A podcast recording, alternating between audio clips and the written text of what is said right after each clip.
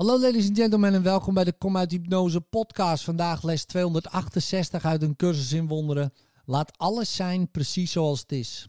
Laat me vandaag niet uw criticus zijn, Heer, en tegen u oordelen. Laat ik niet proberen me te mengen in uw schepping en die tot ziekelijke vormen te vervormen. Laat ik bereid zijn mijn wensen terug te trekken van haar eenheid en haar al dus te laten zijn zoals u haar schiep.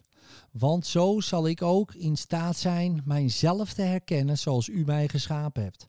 In liefde werd ik geschapen en in liefde zal ik voor eeuwig blijven. Wat kan me bang maken wanneer ik alles laat zijn precies zoals het is?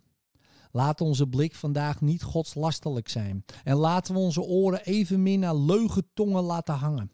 Alleen de werkelijkheid is vrij van pijn. Alleen de werkelijkheid is vrij van verlies. Alleen de werkelijkheid is volkomen veilig. En alleen dit zoeken wij vandaag. In liefde. Tot morgen.